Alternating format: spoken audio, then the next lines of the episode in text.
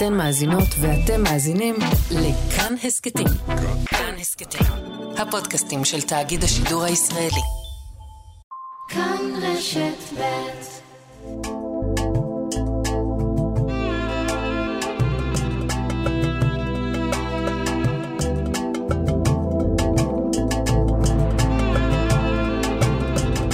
שלום, כאן ערן זינגר, ואתם מאזינים להסכת מרחבת מבית כאן רשת ב'. בכל סוף שבוע נפתח צוהר לחברה הערבית בישראל, פוליטיקה, תרבות וחיי היומיום.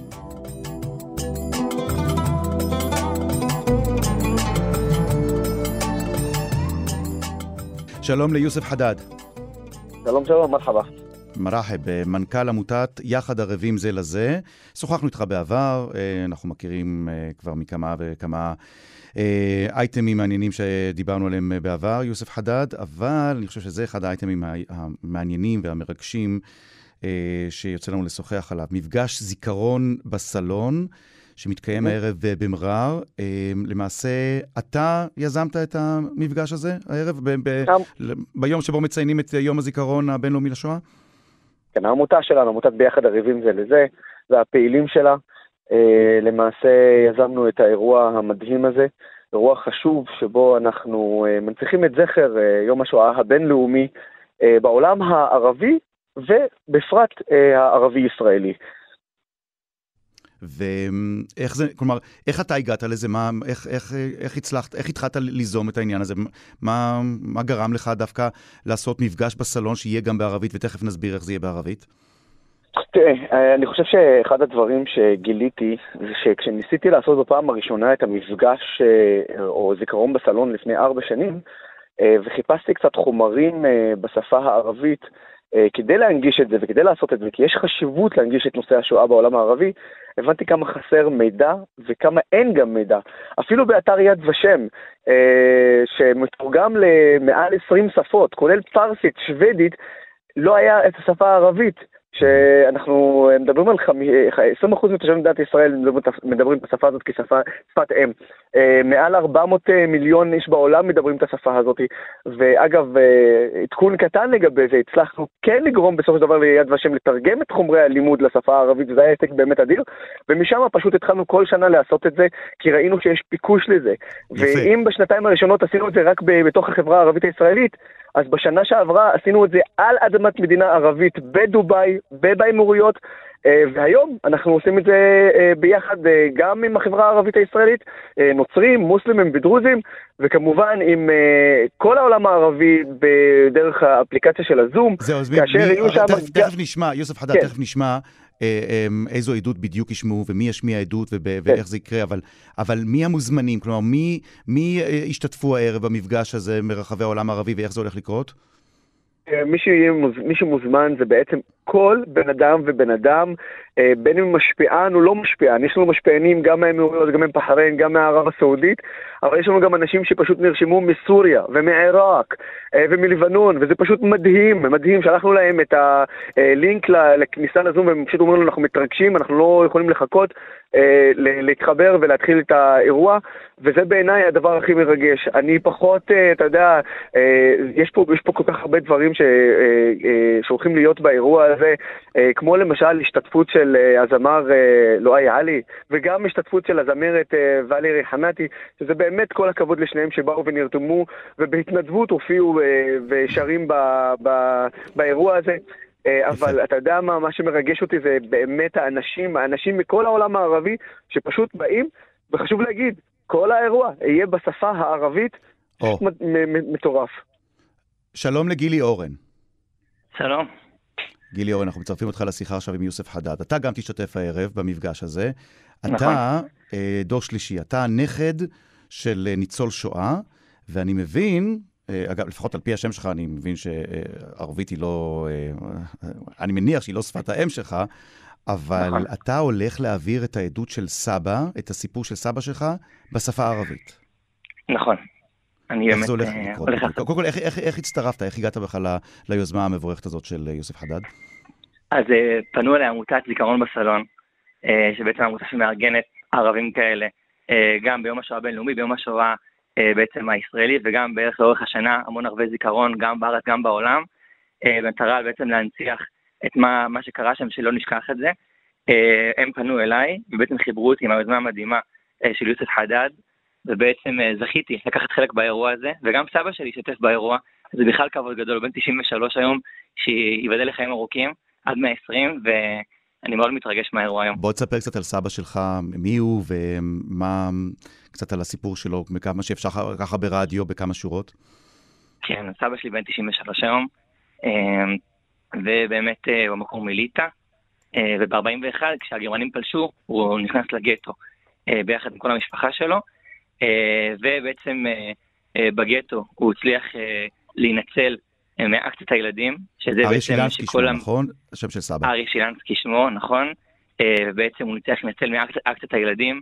כל הילדים בגטו בעצם נשארו בגטו שהמבוגרים הלכו לעבוד, ואחותו הייתה, הייתה לה באמת חוש שאמרה לו שילך להסתתר בבית חרושת יהודי סמוך לגטו, והוא ניצל ככה, וכל הילדים, הגרמנים לקחו אותם ובעצם רצחו את כולם ביער קוז'ה סמוך לגטו, והוא היה בן 12 מתחילת המלחמה ושרד ככה את האקציה הזאת, ואחר כך למעשה הוא שרד גם מחנות ריקוד נוספים בשטוטוף ובדכאו וצעדת המוות, ושוחרר על ידי האמריקאים בשני למאי 45, והגיע לארץ. אז זה ככה ברגל אחד הסיפור שלו. זהו, גילי, גילי אורן, אתה מביא הערב את הסיפור הזה שלך מול פורום של דוברי ערבית, ערבים מרחבי העולם נכון. הערבי וערבים מישראל. אתה הולך לדבר, להציג את הסיפור בערבית. מאיפה הערבית שלך? אז אני, האמת, הסיפור שלי עם הערבית, הרומן שלי עם השפה הערבית התחיל אה, מכיתה ד', היה לנו תוכנית בבית ספר יסודי, טל ונחקי. אני במקור מהיישוב 200 עד כפר סבא, יישוב שמוקף, אנחנו בעצם במוסלת אל-ג'נובי, במשולש הדרומי, mm-hmm. ובעצם בהמון המון המון כפרים וערים אה, ערביות, אז ככה מגיל צעיר נחשפתי לשפה, אה, ואז גם בתיכון עשיתי חמש יחידות בגרות. בצבא הייתי ארבע שנים בתפקידים שנוגעים בהרבה ערבית, והיום אני לומד תואר אה, במזרח התיכון אה, באוניברסיטת בן גוריון, אה, אז בעצם כל החיים שלי אני עם השפה הזאת, וזה עושר וזכות גדולה, באמת. יוסף חדד, תכף אני אפנה גם את השאלה לגילי, אבל יוסף חדד, כמה יש בכלל רצון ונכונות באל-מוחית אל-ערבי, באוקיינוס הערבי שאנחנו חיים בו, להכיר את הסיפור של היהודים ושל רצח היהודים, של שואת היהודים באירופה? אני חושב שבארבע שנים האחרונות הוכח שיש רצון מאוד, אה, מאוד גדול. בטח ובטח עם אה, הסכמי אברהם, שנפתחה לנו עוד הזדמנות פה, אה, במיוחד ליהודים ב, ב, ב, בישראל, להכיר בעצם ערבים שהם לא רק כאן באזור שלנו, באזור במדינת ישראל או בגדה, או בעזה, ו, ובגלל הפתיחות הזאת והיחסים האלו, גם בצד הערבי, בעולם הערבי, יש יותר אה, רצון ללמוד אה, ולהכיר.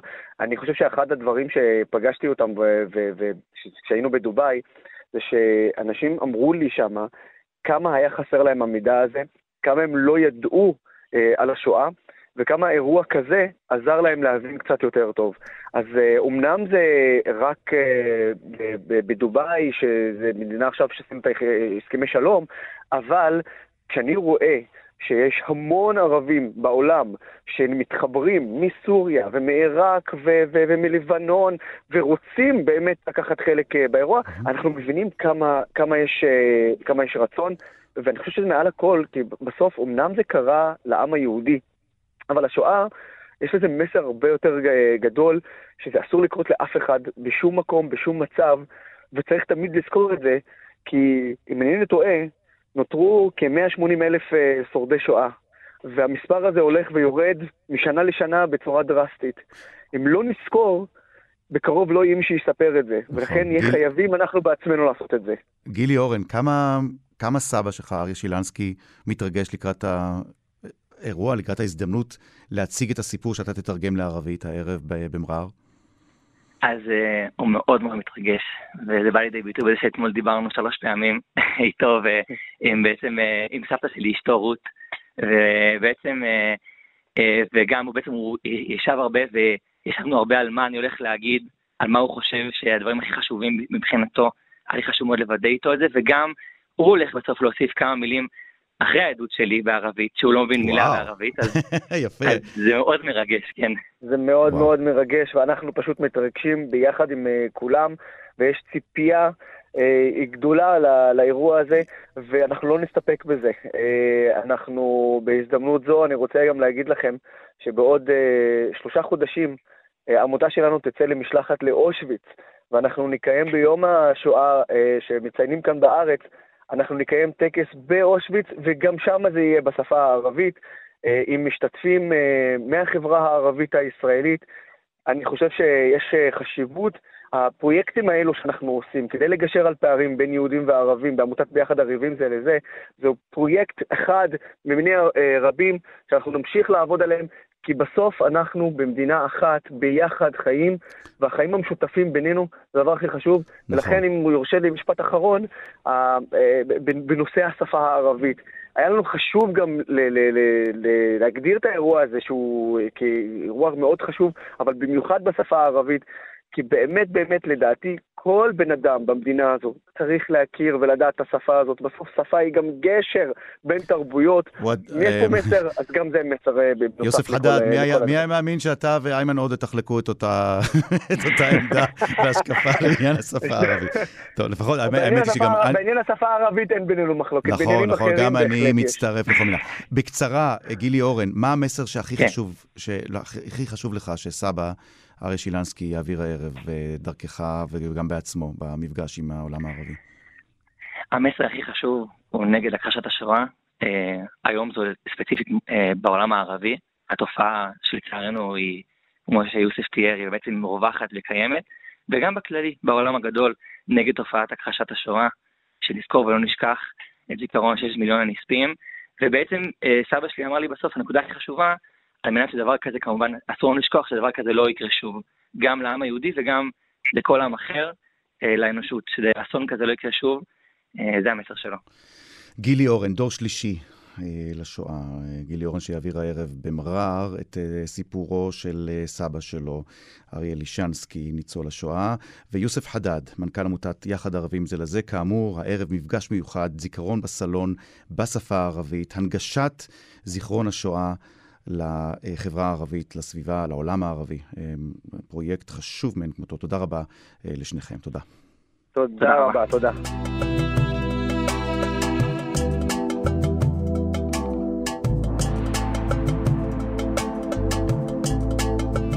ואיתנו חבר הכנסת איימן עודה, יושב ראש הרשימה המשותפת. שלום לך. אהלן סייד ערן וג'מיע אל-מוסתמעין. שלום ערן ולכל המאזינים. השבוע במיוחד אתה מקפיד uh, uh, על שתי השפות, בכל uh, הזדמנות שאתה לדעתי מתראיין בה או מופיע בה, כי היום, צו, השבוע צוין יום השפה הערבית בכנסת. תכף יש לי הרבה מאוד נושאים לדבר איתך, ואני יודע שזה יום שהוא חשוב לך במיוחד, בכלל כל מה שקשור להנכחת והנגשת השפה הערבית, חבר הכנסת עודה. למה זה כל כך חשוב לך? זו השפה הלאומית של 20% מאזרחי המדינה, אבל גם שפת האם של כ-60% מאזרחי המדינה. גם מיוצאי מדינות ערב, שפת האם שלהם היא שפה ערבית. השפה הייתה רשמית עד לחוק הלאום, חוק הלאום פגע בה, לכן בין היתר, זה לא העיקר, אבל בין היתר, אחרי חוק הלאום אנחנו צריכים לעשות את הכל בשביל שהשפה תהיה חלק מהמרחב הציבורי. וכשאמרתי שהשפה הערבית היא שפה רשמית, אתה יודע מתי שתי השפות נהפכו לשפות רשמיות? אתה יודע מתי? ערן? כן, כן, אני, לדעתי שתי השפות היו רשמיות מקום המדינה, לא? אני אגיד לך שהיו רשמיות משנת 1922, בתקופת המנדט הבריטי. כמה היהודים היו אז? 8% מהאזרחים. היהודים היו 8% והשפה העברית נהייתה לשפה רשמית, ואני מברך. למה אני מברך? אתה ואני, שנינו חיפאים. Mm-hmm. אני חושב מקום שיש בו יותר מעם אחד, יותר מתרבות אחת, יותר משפה אחת, זה דבר מעשיר ומוסיף דווקא לאנשים שבטוחים בעצמם, בשפתם, בהיסטוריה שלהם, בתרבות, במורשת שלהם. אני ממקום מאוד איתן. אני, השפה הערבית זה חלק אינטגרלי מכל דבר אצלי. אבל אני, אתה יודע, אני חייב לשאול אותך, בהקשר הזה ממש, אני, אני, אני מבין את המאמץ שלך אה, לשמר ולהנכיח ולהנגיש ולומר, זו שפתנו וזו שפתו של אה, המיעוט, שפתם של יותר מ-21-22 אחוזים מהאוכלוסייה כאן בישראל, שלא לדבר על שפתם של אה, רבים מההורים והסבים והסבתות של, של היהודים כאן אה, בארץ שעלו ממדינות ערב. אבל... אמ, אתה אומר, מאז חוק הלאום, יש שפה רשמית אחת, שפת המדינה, היא העברית, ולערבית יש שפה, אה, לערבית יש מעמד מיוחד. האם אתה סבור ששינמוך מעמדה של הערבית באמת גרם להורדת אה, כוחה ומשמעותה. כי אתה יודע מה, איימן עודה, אני, ציינת שאנחנו שנינו חיפאים, אני רואה באוטובוסים, לא רק בחיפה, באוטובוסים ובמקומות ציבוריים, אני רואה הרבה יותר שילוט בשפה הערבית, שלא לדבר על נמל התעופה בן גוריון, שלא לדבר על, על כך שהשפה הערבית מופיעה היום כמעט בכל מקום ובכל מסמך אה, שהמדינה מוציאה. האם אתה סבור... האם אתה כבר רואה בעצמך, או האם אתה טוען שאתה כבר רואה שמאז חוק הלאום יש פגיעה במעמדה של השפה, שפת האם שלך? בינתיים אפשר להגיד שעדיין לא הרגשנו, אבל עצם העובדה שהיא הפכה מרשמית לפחות מרשמית ועם ממשלות ימין, אני חושב שיש לזה דינמיקה שזה אה, עלול לפגוע בשפה הערבית. מה שאנחנו רוצים זה להחזיר אותה אה, להיות שפה רשמית. בוועדת החוקה בהנהגת אה, יושב ראש הוועדה גלעד קריב קיבלנו החלטה בוועדה עצמה להגיש הצעת חוק למליאה בשביל שהשפה הערבית תחזור להיות שפה רשמית, mm-hmm. וכך נעגן אותה בחוק, ואני חושב שזה ראוי ונכון ויותר איתן מאשר להשאיר אותה תלויה בעמדת ממשלה זו או אחרת, אלא צריך לעגן אותה לפי החוק. את עמדתי, אני חושב שאתה מכיר, וגם המאזינים מכירים בכל מה שקשור למעמדה של השפה הערבית. שם התוכנית שלך זה מרחבת. שזה משחק מילים. כן, למי שלא יודע, זה משחק מילים כן. בין מרחבה לרשת ב'. אבל, אתה יודע, אתה, כן. אתה בעצמך, אני זוכר התבטאות שלך בעבר, שאמרת, שדיברת על, על, על ישראל ואיך ישראל היום מבחינה דמוגרפית נראית. אמרת פעם, תעלו לגליל, תיסעו לדרום. מי שחושב שהמציאות פה היא מציאות אה, אה, אחת, או של לאום אחד, טועה. יש היום פה מציאות דו-לאומית. אתה דיברת פעם על כך ש, ש, נכון. שהמדינה שינתה את פניה. ואתה יודע, אני היום, כשאני מסייר בכפרים בגליל. אני נוסע ליישובים אה, גדולים, יותר מכפרים, כמו אה, סכנין, עראבה, משהד, כבול. השפה שאני שומע שם, השפה הדומיננטית בקרב הצעירים היא השפה הערבית. אם היית אומר לי שהממשל, הממסד בישראל, כופה את לימודי העברית ו, ומנסה להשכיח מהדור הצעיר את השפה הערבית, הייתי אומר לך, תראה, תראה המציאות מדברת אחרת, איימן עודה. בצפון ובדרום, הרבה יותר צעירים היום התרחקו מאוד מהשפה העברית ומהתרבות העברית ובכלל מהממסד הישראלי העברי. האם מה שאתה אומר תואם את המציאות בשטח? אה, אחד, המדינה והארץ אה, שינתה את פניה פעמיים, בשנת 48' פעם, הערבים היו רוב, נהפכו למיעוט, ובשנת 67' אבל להגיד שהיא שינתה את פניה בשנה אחרת, אני לא חושב. כל הזמן היינו, דרך אגב, 18% מהאוכלוסייה, גם בשנת 49' וגם עכשיו. אני לא מדבר מספרית, לגבי... אני מדבר על כמה ערבים בדור הצעיר. כן. איימן, לא יודע, הרי אתה, אני, אתה אני יליד כבביר. אני אגיד לך מה... כן. אני, אני מדגיש את הנקודה הזאת, אתה מדבר ערבית מגיל צעיר. אמ, כן. כל, כל היישוב שאתה נולדת בו, כבביר, הכפר כבביר, ובכלל, אה, יישובים באזור חיפה מסביב לחיפה בגליל, הדור שלך, שהוא הדור שלי פחות או יותר, מדבר עברית. אבל אם ככל שאתה יורד בגיל, תודה, אני, אני מבקש שתאשר לי את העובדה הזאת. אתה הולך היום לבני 18, 19, 20. הם לא קרובים לשפה העברית כמו שאתה היית קרוב באותו, בגיל שלהם, נכון או לא? כן, אבל הסיבה היא לא הממשל, אלא הסיבה זה בין היתר הגלובליזציה, הלוויינים, הסוציאל מדיה, חשופים לכל מיני אה, תוכניות בשפה הערבית. זה לא מה שהיה לנו אנחנו. אז למה צריך, לנו... הנה, אז הנה, הרמת לי להנחתה. אז למה צריך בכלל את יום השפה הערבית בכנסת? הנה, אתה אומר בעצמך, הדור הצעיר מוצא את הדרכים שלו בחברה הערבית להגיע, לדבר בשפה הערבית, לחיות את השפה הערבית. ערן, ערן, ערן, כי זה אמור להיות רשמי ולא בדרכים אחרות. זה כל, זו כל הסוגיה. Mm-hmm. הדבר השני, מבחינתנו, אנחנו גם כקולקטיב, יש לנו זכויות, אנחנו לא רק אזרחים, לא בודדים, לא קבוצות, אנחנו קבוצה לאומית. יש דבר שמקשר את כולנו, שאנחנו חלק מהעם. ואנחנו, יש לנו זכויות קולקטיביות, בין היתר גם השפה הערבית שהייתה רשמית, ואני חושב שהיא לא ביצעה פיגוע בשנת 2017 בשביל להעניש אותה, לא פגעה באף אחד, ונהפוך הוא, אנשים דווקא בטוחים בעצמם, צריכים להגיד מבחינתנו עוד שפה, זה דבר מעשיר ומוסיף. זה, דרך אגב, אני, זה שאני יודע שפה עברית ותרבות עברית, מבחינתי זה ערך מוסף. זה שאני יודע אנגלית זה ערך מוסף, אני מחפש את זה. Okay. אוקיי. לכן אני חושב אנשים בטוחים בעצמם צריכים לבחור בעוד שפה. וגם בעוד תרבות ולא להתגונן בפניה. אבל זה לא צריך לבוא על חשבון לימודי העברית של ערבים, נכון? כלומר, אה, צעירים לא, ערבים, לא. ילדים ערבים חייבים ללמוד עברית, כמו שאתה אומר, כמו שיהודים אה, צעירים חייבים ללמוד ערבית. הלוואי ששני העמים ילמדו את שתי השפות, זה דבר שמקרב לא במקום של דעת האויב, אלא ממקום של עוד תרבות של אנשים שהם חיים איתך, והשפה הערבית היא שפת 90% מעמי האזור, אמורה להיות שפת השלום באזור כולו, וזה דבר שאנחנו צריכים לחתור אליו. לכן, כן, שני העמים צריכים ללמוד את שתי השפות, לכן יש לי הצעת חוק, הצעת חוק שהתלמידים היהודים ילמדו שפה ערבית, בוועדת החינוך אה, קיבלה רוח גבית בגלל שיו"ר הוועדה אה, שרן השכל אמרה שהיא גם תתמוך בהצעה כזו. אני מקווה שנצליח להעביר הצעה כזו במליאה בשביל שגם התלמידים היהודים ילמדו שפה ערבית. אוקיי. Okay. עד כאן פרק השפה, הלור אל-ערבי במדינת ישראל, פרק השפה הערבית. אני לא יכול להתעלם, אה, איימן עודה, מהפעילות שלך ושל הרשימה המשותפת בכנסת מאז הקמת הממשלה. ומהלעומתיות שלכם. לא רק לעומתיות כאופוזיציה לקואליציה או לממשלת ישראל, אלא הלעומתיות שלכם, אל-קאימה אל-מושתרקה, הרשימה המשותפת, לאל-קאימה אל-מואחדה, הרשימה המאוחדת, כלומר רע"מ, בראשות מנסור עבאס. תרשה לי ברשותך אה, לצטט מתוך מאמר של אה, רביב דרוקר אה, בעיתון הארץ לפני כמה ימים. הוא כותב ככה: איימן עודה שדיבר באומץ על כניסה לקואליציה אז, מתאר את עבאס כמעין משת"פ. פתאום כניסה לקואליציה היא, כהגדרת אחמד טיבי, אימוץ המדיניות של ממשלות ישראל לדורותיהן. שניים המוכשרים ביותר בפוליטיקה הישראלית, כלומר אתה ואחמד טיבי, אינם מצליחים להתגבר על הקנאה, על האגו, ויורים לעצמם ברגל. קרוב לוודאי שטיבי הוא אחד מחמשת הח"כים המוכשרים במליאה. מקושר, חביב על העיתונאים, גאון בהבנת סיטואציות תקשורתיות, משעשע.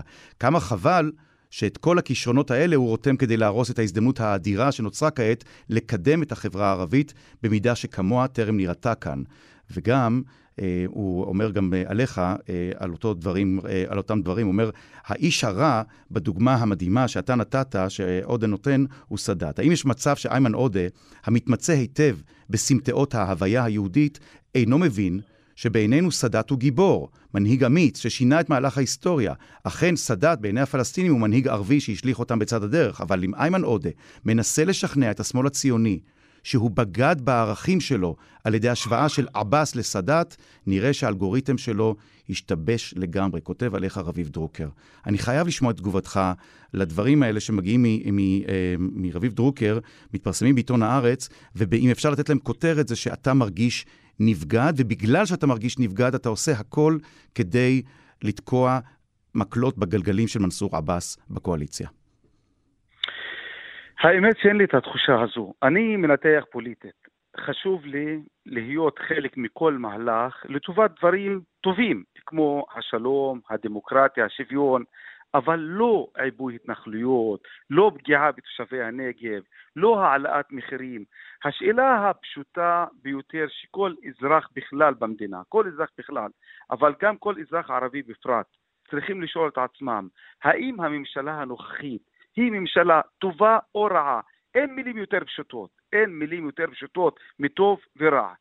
ממשלה מבחינתי היא ימנית לכל דבר, מה שעושה בירושלים המזרחית, מה שעושה בגולן, מה שעושה בנגב, העלאת המחירים על חשבון האנשים הנזקקים, המוחלשים ביותר. מה זאת אומרת לתת יד לממשלה כזו? האם אני מוכן להיות חלק ממהלך שיביא את השלום, את השוויון? בוודאי שכן. זה, על זה אני נאבק כל חיי. אבל לכן... האם אתה לא מוכן לעשות הפרדה לפעמים, ואתה רואה שמנסור עבאס מקדם את חוק החשמל, ויש לכם ביקורת על חוק החשמל, אתם אומרים שיש בו יותר, אה, יותר חורים מגבינה שוויצרית. אתם אומרים שהחוק הזה לא באמת תורם למציאות, אבל האם לא היה נכון לכם, לרשימה המשותפת, להתגייס ולהגיד, רגע, זה חוק שנוגע לציבור שלנו. נניח כרגע בצד את כל המחלוקות האידיאולוגיות שיש לנו לגבי מה שקורה בשטחים ובהתנחלויות, בואו נטפל בחוק הזה, כי, כי המצביעים שלנו, ולא משנה אם הם מצביעים לאל-מווחדה או לאל-מושתרקה, הם אלה שצריכים ליהנות מהחוק הזה. זה, האם אתה לא חושב שהיית הנה, צריך אתה, להניח את זה בצד? אתה מביא, אתה מביא דוגמה קלאסית למה שאני אומר. אנחנו הבאנו את חוק החשמל. אחמד טיבי הביא את חוק החשמל, צו שעה. מי שהצביע נגדו זה רע"מ. הביאו חוק שבאמת לא פותר יותר מחמישה אחוז מהבעיה, והנה עבר חודש אחד ולא, ולא אה, קשרו בית אחד, אחד, אפילו אחד, לחשמל. אז ממש כל הניתוח שלנו הוא, הוא נכון וצודק. אני רוצה להגיד לך מה ההבדל העיקרי בינינו לבין רע"מ. Mm-hmm. אני חושב שנע רע"מ החליטו במודע להתנהג כמו נתינים ולא כמו אזרחים. מה זאת אומרת? זאת אומרת להגיד אנחנו מוכנים להסתפק בתוכנית כלכלית פה ושם, ותשאר הסוגיות לא מעניין אותנו. אני חושב שזו לא תפיסה של אזרח, בוודאי לא חלק מעם. אנחנו, יש לנו גישה אחרת, ואני מתבונן בכנסת, מסתכל למשל אל ש"ס. ש"ס נמצאים בממשלה כבר משנת 1984, ואני שואל מה המצב הכלכלי של מצביעי ש"ס מאז 84 עד עכשיו? היו באשכולות מ-1 ל-4, הם עדיין באשכולות מ-1 ל-4. אתה יודע מה? אני מתבונן במזרחים, שרובם הצביעו לליכוד בשנת 77, ואני אומר, מה המצב של עיירות פיתוח עכשיו? מה ההבדל היה בין עיירת פיתוח בשנת 77 לבין עיר חיפה, לבין עכשיו, העיר חיפה לבין עיירת פיתוח. אז מה אתה אומר בעצם, שרע"מ זה, רע"מ היא הגרסה הערבית לש"ס? זה מה שאתה אומר? רע"מ היא הגרסה הערבית של ש"ס? אני אומר, אני אומר שאנחנו לא מיעוט של אחוז ושני אחוזים, ולא אנשים שאין להם סוגיה כללית, אלא נהפוך הוא. אנחנו מיעוט כל כך גדול, 20 אחוז. בואו נשים את כל המשקל שלנו למען הסוגיות תסביר לי רק את ההשוואה לש"ס. למה ציינת את ש"ס? אני יכול לציין לא רק את ש"ס, אני יכול לציין, למשל, אני מתבונן במצב של חמד עמאר בכנסת. אני אומר, הנה, הוא שר במשרד האוצר. אה, שר האוצר הוא יו"ר המפלגה שלו, אז שיבטל את קמיניץ. שהוא mm. נמצא שם, הם יכולים להחליט, משרד האוצר, שיבטל את חוק הלאום. אבל את זה לא, תוכנית כלכלית כן, אבל חוק הלאום לא. האם אנחנו זו הדרך שלנו, ככה אנחנו רוצים לראות את עצמנו עוד עשר שנים, עשרים שנה, שלושים שנה, או שאנחנו, שאנחנו בני המקום, ילידים, וגם עשרים אחוז, צריכים לשים את המשקל הגדול הזה למען השלום, למען הדמוקרטיה. אז איך אתה מסביר, איך אתה מסביר, איימן עוד אני... תן, ערן, ערן, דוגמה אחרונה. תפאדל, תפאדל, בבקשה. תשמע, היום זה יום שחרור אושוויץ. נכון. ואנחנו, יש לנו יום הזיכרון הבינלאומי לשואה. כן. כן, איתנה, עמוקה, שרואה שפשעי הנאציזם אין, לכ... אין להם אח ורע בכל ההיסטוריה האנושית. עמדה מאוד ערכית, מאוד עמוקה. נקודה. נקודה. אני לא משווה את מה שקרה ליהודים באירופה לשום סיטואציה אחרת. אבל לא הייתה קבוצה שהצליחה ברמה פרסונלית יותר מהיהודים באירופה. מנהלי בנקים, מנהלי בתי חולים, מנהלי אה, ראשי אוניברסיטאות, תגיד לי, האם זה עזר? אני חושב שאסור, אסור לנטוש את המערכה למען הדמוקרטיה. מה שעשתה רע"מ, הלכה לבנימין נתניהו, רצה אותו. זה סמוטריץ' שלא רצה אותה. לא עניין אותה דמוקרטיה. הלכה לנפתלי בנט ואיילת שקד, לא מעניין אותה דמוקרטיה. אני חושב שזו תפיסה שעלולה לפגוע בנו. אנחנו מיעוט גדול, צריך לחבור רק, רק לכוחות דמוקרטיים יהודיים ולא לפשיסטים ולא של ארץ ישראל השלמה ולא של מתנחלים, אלא של דמוקרטים, ולעשות את החיבור הזה למען דמוקרטיזציה.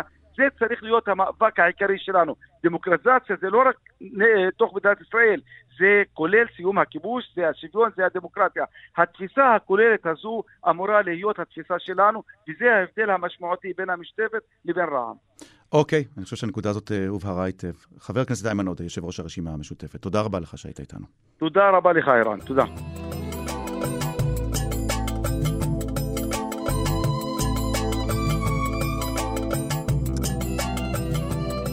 האזנתם להסכת מרחבת. עורכת התוכנית היא שושנה פורמן. עורכת ההסכת היא איילת דוידי. אם אהבתם או שאתם רוצים להגיב על מה ששמעתם כאן, אתם מוזמנים לכתוב לנו בקבוצת הפייסבוק כאן הסכתים. אתם יכולים לכתוב לנו גם בדף הפייסבוק של כאן ב'. אותי תוכלו למצוא בטוויטר ובפייסבוק. עוד הסכתים תוכלו למצוא באפליקציית ההסכתים האהובה עליכם באתר שלנו וגם בספוטיפיי. התוכנית מרחבת משודרת בימי חמישי בשעה שתיים מיד אחרי החדשות. אני ערן זינגר. להתראות.